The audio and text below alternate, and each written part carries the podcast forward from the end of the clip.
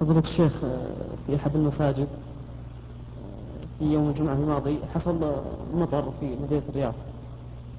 فصلينا المغرب وبعد الصلاة قام يعني قام الإمام ثم رجع ثانية وأقام لصلاة العشاء يريد الجمع. فجمعنا. فما حكم هذا الجمع؟ يعني مع أنها يعني حصل فصل في الصلاة. بعضهم حتى تسنن يعني بين الصلاتين. نعم. المعروف عند أكثر العلماء أنه إذا كان جمع جمع تقديم فلا بد من موالاة الصلاتين. لكن لا تكون الموالاة بالوضوء الخفيف وبالجلسة الخفيفة. وقال بعض العلماء إنه إذا جاز الجمع فلا حرج من الفصل بين الصلاتين. حتى لو تصلي الأولى في أول الوقت والثاني في آخر الوقت. وهذا القول الثاني اختاره شيخ الإسلام ابن تيمية رحمه الله. وقال إن معنى الجمع ليس معناه الضم بحيث تلي الثانية الأولى وإنما هو ضم الوقت وليس ضم الفعل.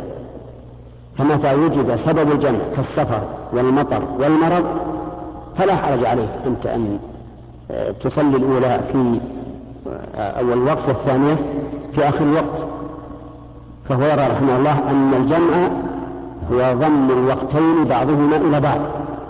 لا ضم الصلاتين بعضهما إلى بعض عرفت الآن؟ فعلى هذا نقول القصة التي وقعت حيث أن الإمام بعد أن خرج ورأى المطر رجع وجمع. نقول هذه لا بأس بها. ولا حرج فيها. حتى لو لم يبدو له إلا بعد الصلاة لا يضر. لأن اشتراط نية الجمع. قبل تكبيرة الإحرام في الصلاة الأولى هذا ضعيف. فالصواب أنه ليس بشرط. بل, أن بل إنه لو لم يحدث المطر إلا بعد أن سلم من المغرب فله أن يجمع. إيه نعم. شيخ الله بالنسبة لدعاء الاستخارة في أي موضع من الصلاة؟ دعاء الاستخارة بعد السلام لأن النبي صلى الله عليه وسلم قال فليصلي ركعتين ثم ليقل وذكر الدعاء.